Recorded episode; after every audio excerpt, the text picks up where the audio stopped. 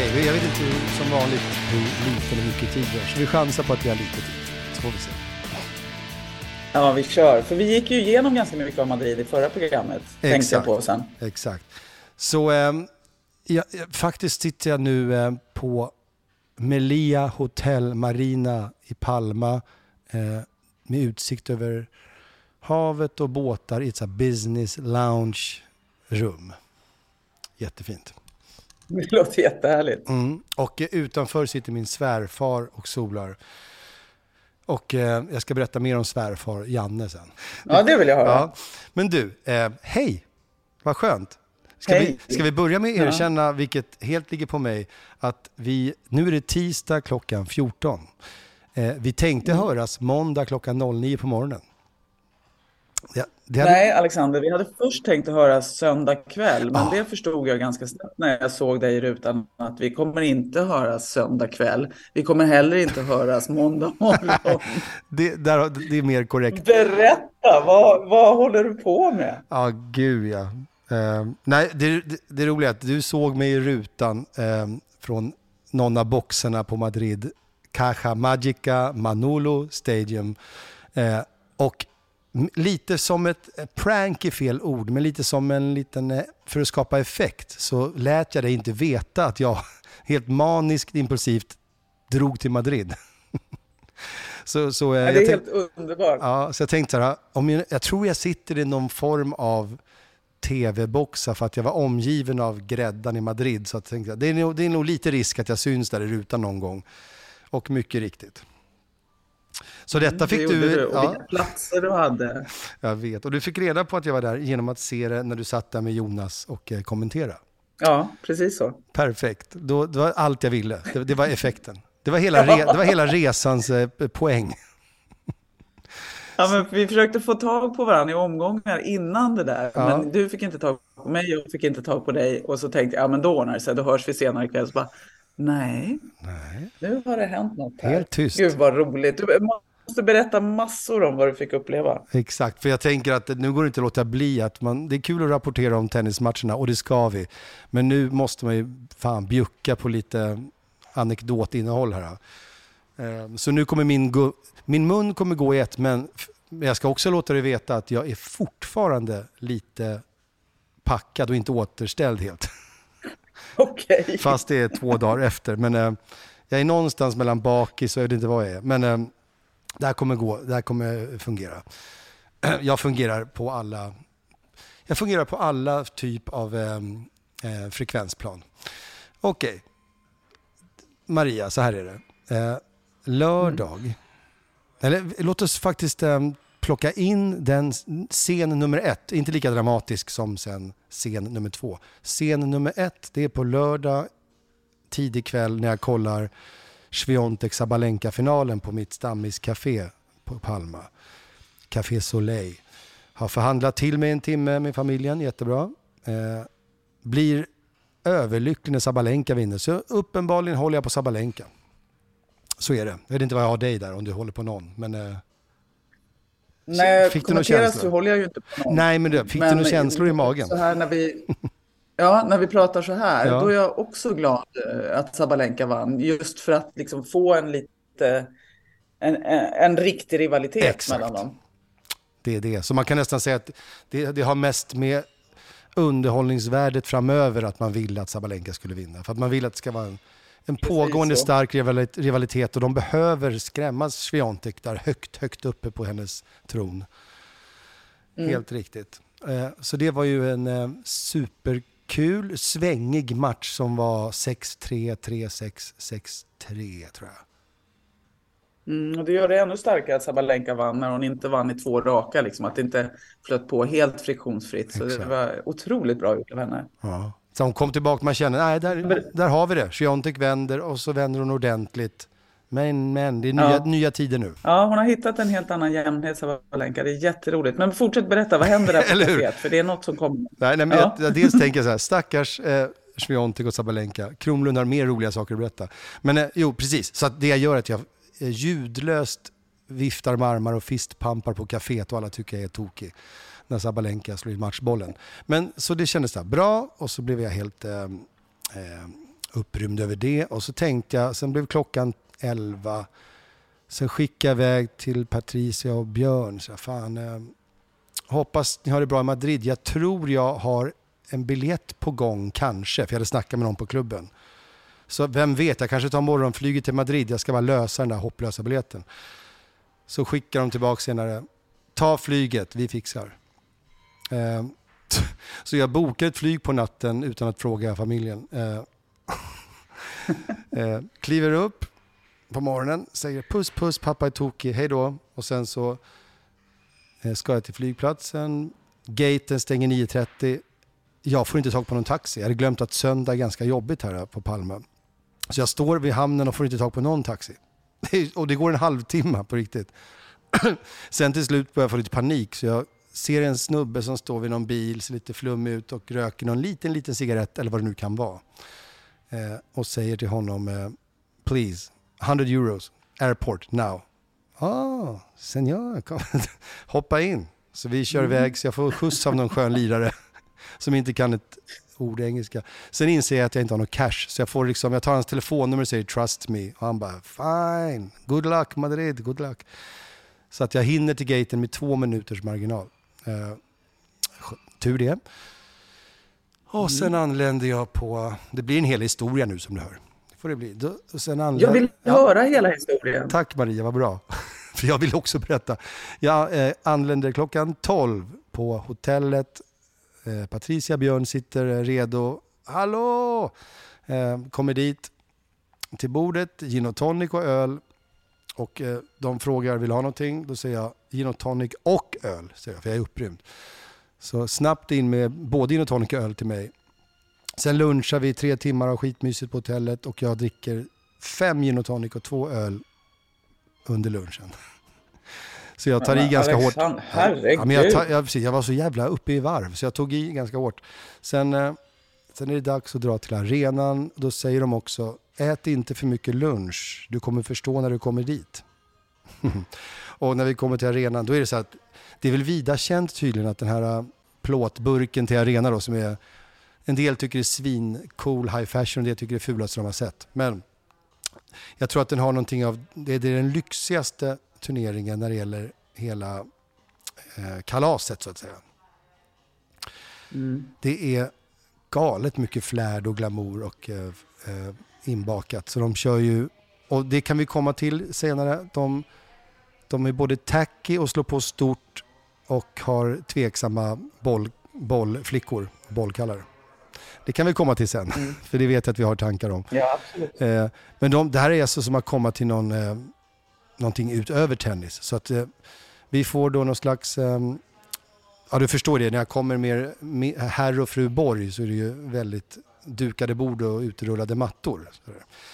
Så att, Hur brukar dörrarna öppnas om man säger ja, så? De, de öppnades rejält kan jag säga. Och sen, eh, eh här har ni VIP-restaurangdelen och då förstod jag att jag skulle ha eh, plats i magen för mer mat. För då var det sån här dekadent eh, urspårning på fina maträtter och desserter och drickor. Och sen så vill de gärna att vi ska sitta med herr och fru Babolat, Eric Babolat med fru. Eh, alltså Mr Babolat, vilket jag mest tänker, det är ju tennismärke, det är väl ingen som heter Babolat? Jo, det där har du koll på Maria. Mer. Eh. Ja, inte alltid, men det kommer ju ofta någonstans ifrån. Det gör ju verkligen det. Ja, jag menar det. Så då fick vi sitta med Mr Babolat och då fick jag sitta och eh, skojar med honom att jag bara spelar Wilson. Men att vi gärna kan ha ett möte sen om det här med Babolat för våran tennispodd, Tennispop. om, jag, ska, om jag ska börja spela Babolat och få lite finanser. Vi får se, men ja, hur som helst, vi satt och njöt av god mat och god dricka. Och kom ihåg att jag hade tagit väldigt mycket dricka innan också. Jag kommer ihåg, jag oro, börjar bli orolig för dig. Ja, men ja, fortsätt. Sen eh, pågår den här middagen, sen börjar det bli dags till slut för eh, att ta sig till boxarna. Och då blir jag ju eh, väldigt glad när jag får världens coolaste kvinna som kommer, Claudia Manolo. Då pratar jag alltså Manolo Santanas ja, änka då, för han dog ju för två år sedan. Ja, eh, precis. Åh, oh, vad fin. Ja, så den coola Claudia Manolo Rodriguez, hon tar hand om mig. Ja, Mr Alejandro, så hon är väl, hon är, hon är svincool, alltså det är som en rockstjärna. Eh, så jag sitter med mm. henne då i boxen bakom Björn och Patricia. Och så tittar man, det är kul. Där sitter borgmästaren och bla bla bla. Ja. Men framförallt Alcaraz och Struff framför oss. Och sen startar den här matchen. Jag är, lika, jag är nästan mer tagen av eh, miljön och atmosfären än av själva matchen. Mm, jag förstår det. Så om man ska ta, om så här, anekdoten har mer att bjuda, men om vi stannar till en sekund vid att eh, Alcaraz och Strofi sitter lite också så här, vad är det som händer? De spelar inte riktigt superbra tennis. Första set. Kände ni så från tv också? Vi, jag, vi satt och pratade om hur imponerade vi var av Struffs taktik som ja. gjorde att, att han trotsade sönder Alcaraz spel. Så han, han hittade ju aldrig någon rytm i hela matchen. Och det tyckte vi var fascinerande att se hur, hur duktig han var på det, Struff. Mm, exakt, så han fick, han fick det till att Alcaraz inte kunde vara sitt eh, vanliga jag. För du pratade om att han har gått lite på 70 procent och så. Och han fick honom väl ja. att gå ner på 50 nästan ett tag där. Ja, han fick ja, jag tyckte han liksom tog bort så många av hans styrkor. Jag har aldrig sett honom slå så få stoppbollar till exempel. Nej, han det sa det efteråt. Korta bollar. Precis, han sa ja. i presskonferensen att eh, jag fick inte chansen att göra mina dropshots eller någonting. Det var väldigt imponerande av Struff. Hårding. Mm. Riktig hårding. Ja, jag var jätteimponerad av hans eh, strategi och att eh, det håller ju inte till vinst, men det håller ju till en jättespännande final. Verkligen. Det imponerande är väl såklart att han ändå Alcaraz hittar till slut vägen fram. Som vi trodde. Mm. Vi, hade, vi hade ju fel båda två med Sviontek där. Att vi faktiskt tänkte att hon vinner väl. Det, väl, det seriösa tipset är väl Sviontek. Eh, men det blev det ju inte. Men här blev det ju såklart ändå Carlos Alcaraz. Men eh, ovanligt eh, nervöst och knepig väg fram till bucklan. Så var det mm, Svårspelad. Det ska bli så fascinerande eller intressant att se Struff nu framåt också. Om mm. han kan hålla vid den här taktiken som kommer funka jättebra mot så många spelare på gruset. Mm. Det ska bli kul att, att följa. Och nu kommer han få så mycket enklare lotter också med sin nya ranking och sidning i, i franska till exempel. Precis, han har ju åtminstone 4-5 år kvar innan han kommer in i den här farliga 38-årsåldern. Ja, det när, det, när det börjar göra ja, ont ja, överallt. Precis, när man ska lägga av. Förutom Feliciano Lopez då som satt, bara för att fortsätta med mitt, han satt då lite snett framför mig där. Den tjusige Feliciano Lopez. Ja, han är stilig. Ja. men jag var ju helt... Eh, dels, det är inte bara gin och tonicens skull, utan atmosfären var ju vad den var. Oavsett rus. Så att eh, det var ju ja. det var mycket att ta in för mig. Och, eh, vad var det? Sen, eh, och så, jag, jag är ju också så här, jag, jag, är inte, jag är inte coolare än så att jag tycker att när Real Madrids Raúl, nummer sju på ryggen, sitter mm. några boxar ner och vad jag än tittar så är det coola Madrid-människor. Eh, så det, det var jag imponerad av. Och jag fick ju också träffa han som har skapat eh, själva bucklan, trofén, mm. innan matchen. Och han satt bakom mig och satt och filmade när Alcaraz lyfte bucklan och han såg så himla rörd och mallig ut. Det var jävla mysigt att se. Eh, mm, så det var, ja, det var en, en konstnär alltså? En konstnär. Skulptör? Precis, precis. Det, mm. var, det var fint. Eh, och eh, ah, Björn Borg, han gick ner och kramade Alcaraz observera, inte vad han hade planerat, utan det var bara Feliciano som ryckte tag i Björn. Kom med här ut och dela. Jaha, så det var... ja, ja, det kan... Jag trodde att han kanske var där för att han skulle vara prisutdelare. Ja, men han, han var faktiskt där eh, mest av, eh, av eh, lust och mys. Sen, sen är jag så här, du vet, när man hänger med Björn och Patricia, det, det är ju kungligheter. Va? Så att det, precis som du Maria, mm. med din integritet, de är ju någonstans i ditt universum integritet. Så att jag hänger bara ut mig själv här och det är väldigt viktigt. Så gott det går. Under, ja, under, nej, men verkligen. Ja, men, det, men, och det förstår jag. Ja. Det, men det däremot, gör det ju såklart. Ja, men däremot är det nog ofarligt att säga att han var lite, ha ska jag in på banan? Men det, jag tror Feliciano gör ett dåligt jobb om man inte får med sig Björn ut när han ändå sitter där ut på centercourt. Ja, det, eller det är jätteintressant för när jag, när jag såg, insåg att han var där på ja. plats och ja. det var han ju några dagar innan. Då tänkte jag, men då är han här. Antingen har han massa sponsorevent som han jobbar med eller så ska han vara prisutdelare. Ja, eller båda. Och det är han ju ofta. Jag menar, Franska öppna och sånt, det är inte mycket han kan göra. Där måste han vara. Men det här var faktiskt av ren passion. Det är mysigt. Ja, vad här, ja. ännu härligare att höra. Och jag nämnde inte för min Claudia Manolo någonting om det här med att bollflickorna som då under veckan har skapat rubriker på sociala medier och tittarstorm. Varför har ni snudd på modeller slash porrstjärnor som bollkallar med kortkjol? som om de var plockade från en 80-tals amerikansk 80-tals college snusk. Kommer du ihåg collegefilmerna från USA när man var liten? Där det var sådana cheerleader-brudar med kjol och liksom crop top med mage. Det var ju mm. den nivån, det var därför man skruvade på sig och kände det där är inte så snyggt alltså. Så landar man i att de på något lite ynkligt sätt klädde tjejerna i någon slags långa basketshorts på till finalen. Det, var, mm. det, det, det lyckades de styra upp till finalen i alla fall. Mm. Eh, nåväl. Eh, jo, sen, eh, vi, sen drar vi faktiskt ganska snabbt från stadion tillbaka till hotellet. Claudia Manolo, hon hänger med. Det är rockstjärna. Så hon följer med. Så vi sitter där och dricker vidare. dricker fler, fler drinkar. Och, eh, och sen kommer Alejandro, en jätteskön snubbe som, du vet hur jag är besatt av likheter och lika som bär-grejen. Då dyker upp en Alejandro, mm. han är son till någon legendarisk Real Madrid-fotbollsspelare från 60-talet. Han är en kopia, då pratar jag 100% kopia av Joakim Tåström. Ah, och, och Tåström, ja, den unga Tåström från Ebba Grön-tiden nästan, han ser ut som honom och Tåström är ju större än Björn Borg för mig, från min barndom i alla fall. Så jag tycker det är skitspännande att jag nästan sitter med Tåström också, fast i någon spansk variant.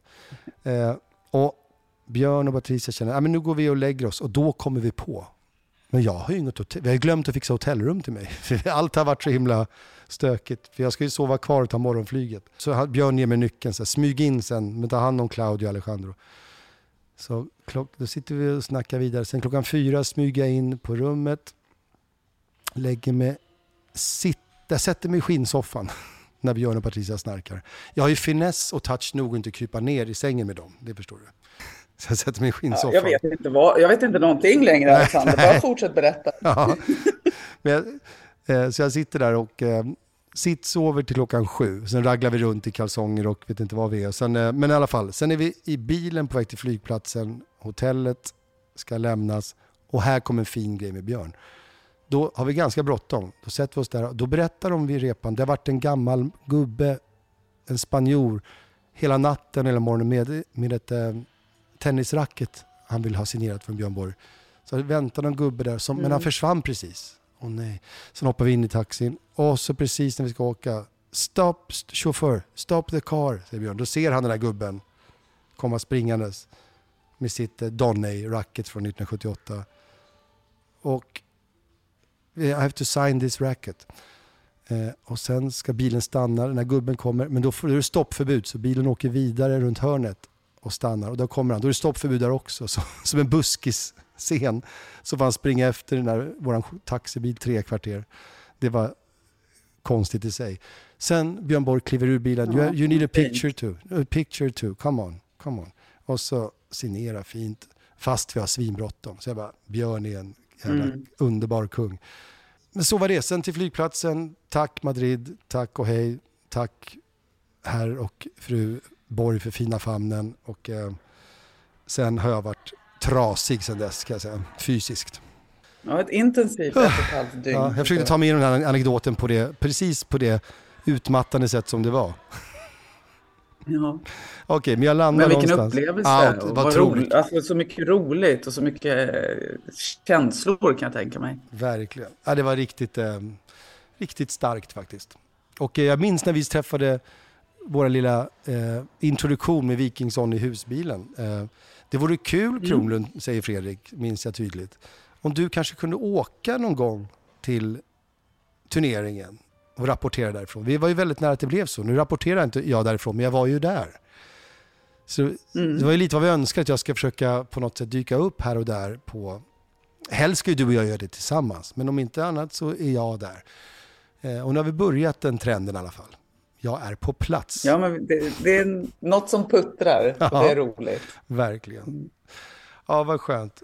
Okej, okay, um, ehm, det om det. Det känns som att uh, Ja, det, det, känns som jag också håller igen med 40 andra roliga detaljer från den här resan. Det gör jag säkert också. Det finns ju, det finns ju mycket knäppt och hemligt som händer också. Men det tar vi när vi ses. Exakt. Det blir alldeles lagom. Det, det blir där, lagom. Sen så kan du fylla på när, du, när det dyker upp rumsrena saker. Så kan, kan du sprida det över poddarna. Verkligen. Det, det, det måste sparas. Eh, men men eh, det, var, det är någonting med Carlos. Man har byggt upp den här myten ganska hårt nu under två år. Så det var väldigt speciellt att se honom.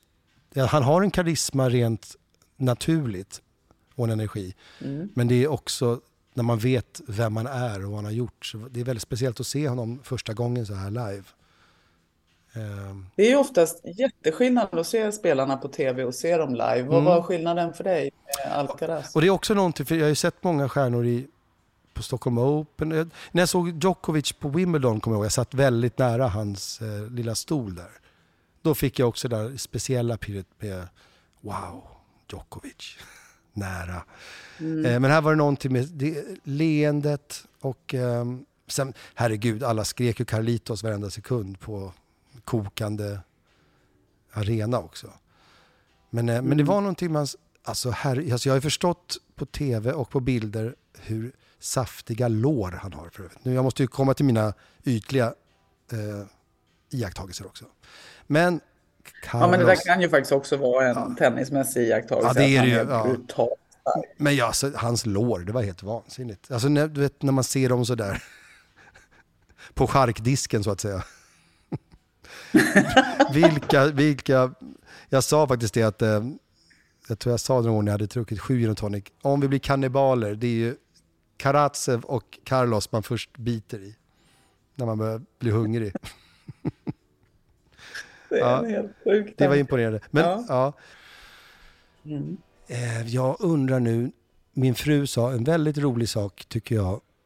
Eh, hon är inte så inne där med tenniskalendern och året. Hon förstår, att jag tycker, hon förstår att jag har jätteroligt med Maria och det är tennispop och vad härligt. Men hon sa också nu, det är väl lite paus nu hoppas jag. När, när är nästa? Jag bara, nej men alltså du, det är Rom nu. och sen är, det, sen är det Franska öppna och sen är det ju, sen är det, alltså bara fortsätta, sen är det Queens och Wimbledon. Jag tror inte hon har förstått vad jag Nej, vad hon, och sen så ska vi ta in lite gäster också emellanåt, ja. så det, det, kommer bara fortsätta. Exakt, så hon har inte förstått vad hon har tillåtit mig att börja, tror jag. Nej, jag bara, nej, nej, det är ingen paus, det är Rom. Men jag sa att jag ska försöka köra lite mer av eh, highlights och eh, inte se allting live. Jag ska verkligen försöka. Men du som kommenterar och ser så mycket live och ibland är tvungen att se highlights.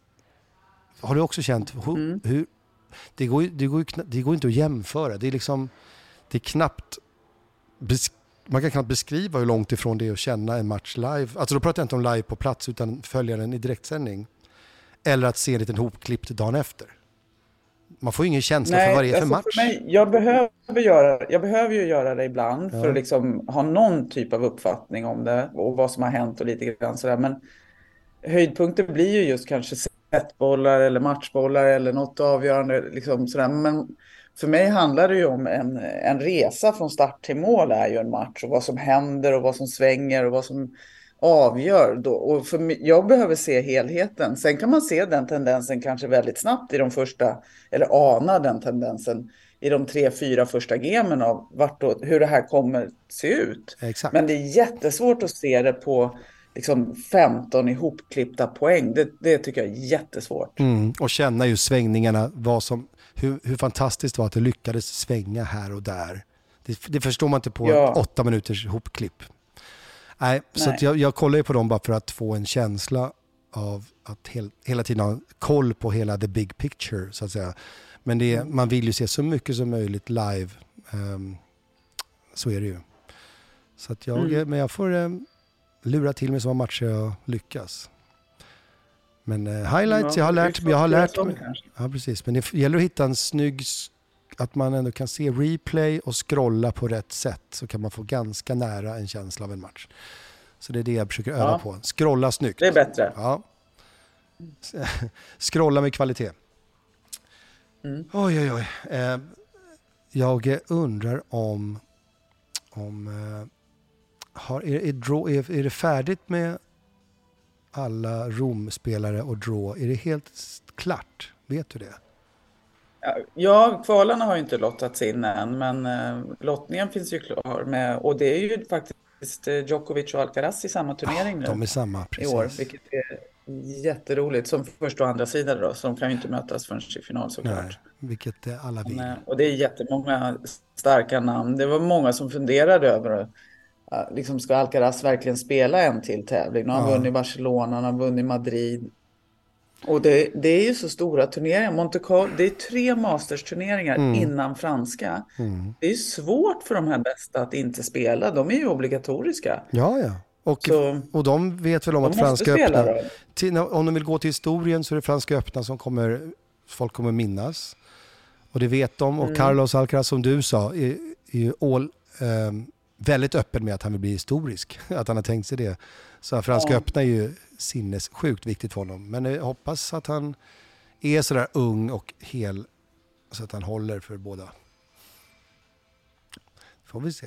Ja, och jag tror de här Madrid och Rom nu som spelar som 12 dagars turneringar, där vet de, och de är framflyttade, eh, de här bästa spelarna, de sidade spelarna, eh, står över första rundan. Så det blir inte en 12 dagars turnering för dem, plus att det blir vilodag emellanåt under matcher. Så det, visst, det är en tuff turnering för att den är så stark. Varje match är väldigt ut, mm. utmanande, men det är inte den här enorma liksom, intensiteten som det kan vara på en mindre turnering som går över en vecka där du spelar kanske fem dagar i rad. Just det. Ja, men det är en liten tröst där. Mm, så han det behöver inte slita så mycket. Så han, han har kanske inte match förrän på ja, lördag. Liksom. Så det blir nästan en hel, hel ja, veckas vila. Eller återhämtning. Maria, vet du vad? Nu ska jag göra det lite generad kanske. Eh, men alla jag pratar med i tennisvärlden och det, det är allt från Percy Rosberg till eh, kanske Pim-Pim och nu Björn och Patricia. De älskar dig. Det här är verkligen sant. De bara, åh, jag ser det glitter. Åh, Maria. För jag, sa, jag har ju tennispop här med Maria Strandlund. Åh, Maria. Björn såg helt salig ut på riktigt. Hon, hon, är, han bara, hon är bäst. Hon är bäst. Älskar Maria. Så att eh, jag vet själv att det kan vara jobbigt att få höra sånt. Man blir generad, men eh, jag kan inte låta bli att ge dig det. Du är väldigt... Jag blir jättegenerad, men jag blir också jätteglad ja. såklart. Du är vansinnigt uppskattad och älskad. Eh, så jag blir ju ännu stoltare att, vi, att du ger din tid till mig här. Ja, jag blir alldeles rörd och nästan min bakis börjar försvinna nu. Den får övergå i någon slags eh, eh, eh, rörd känsla istället. Vi kanske gör ett sånt här litet försök att ses fysiskt som jag tycker det börjar bli dags eh, nästa vecka. Det är dags. Jag har ju en liten, mm. liten tripp hemåt. Men till dess, mm. min kära Maria, till dess, mm. ha det så underbart. Och den obligatoriska... Och jag säger med eftertryck den här gången, Alexander, ta hand om dig nu. jag ska ta hand om dig. Ja. Gör det, ta hand om dig. Puss. Och så hörs vi Puss och kram. Puss och kram. Hej. Hej då.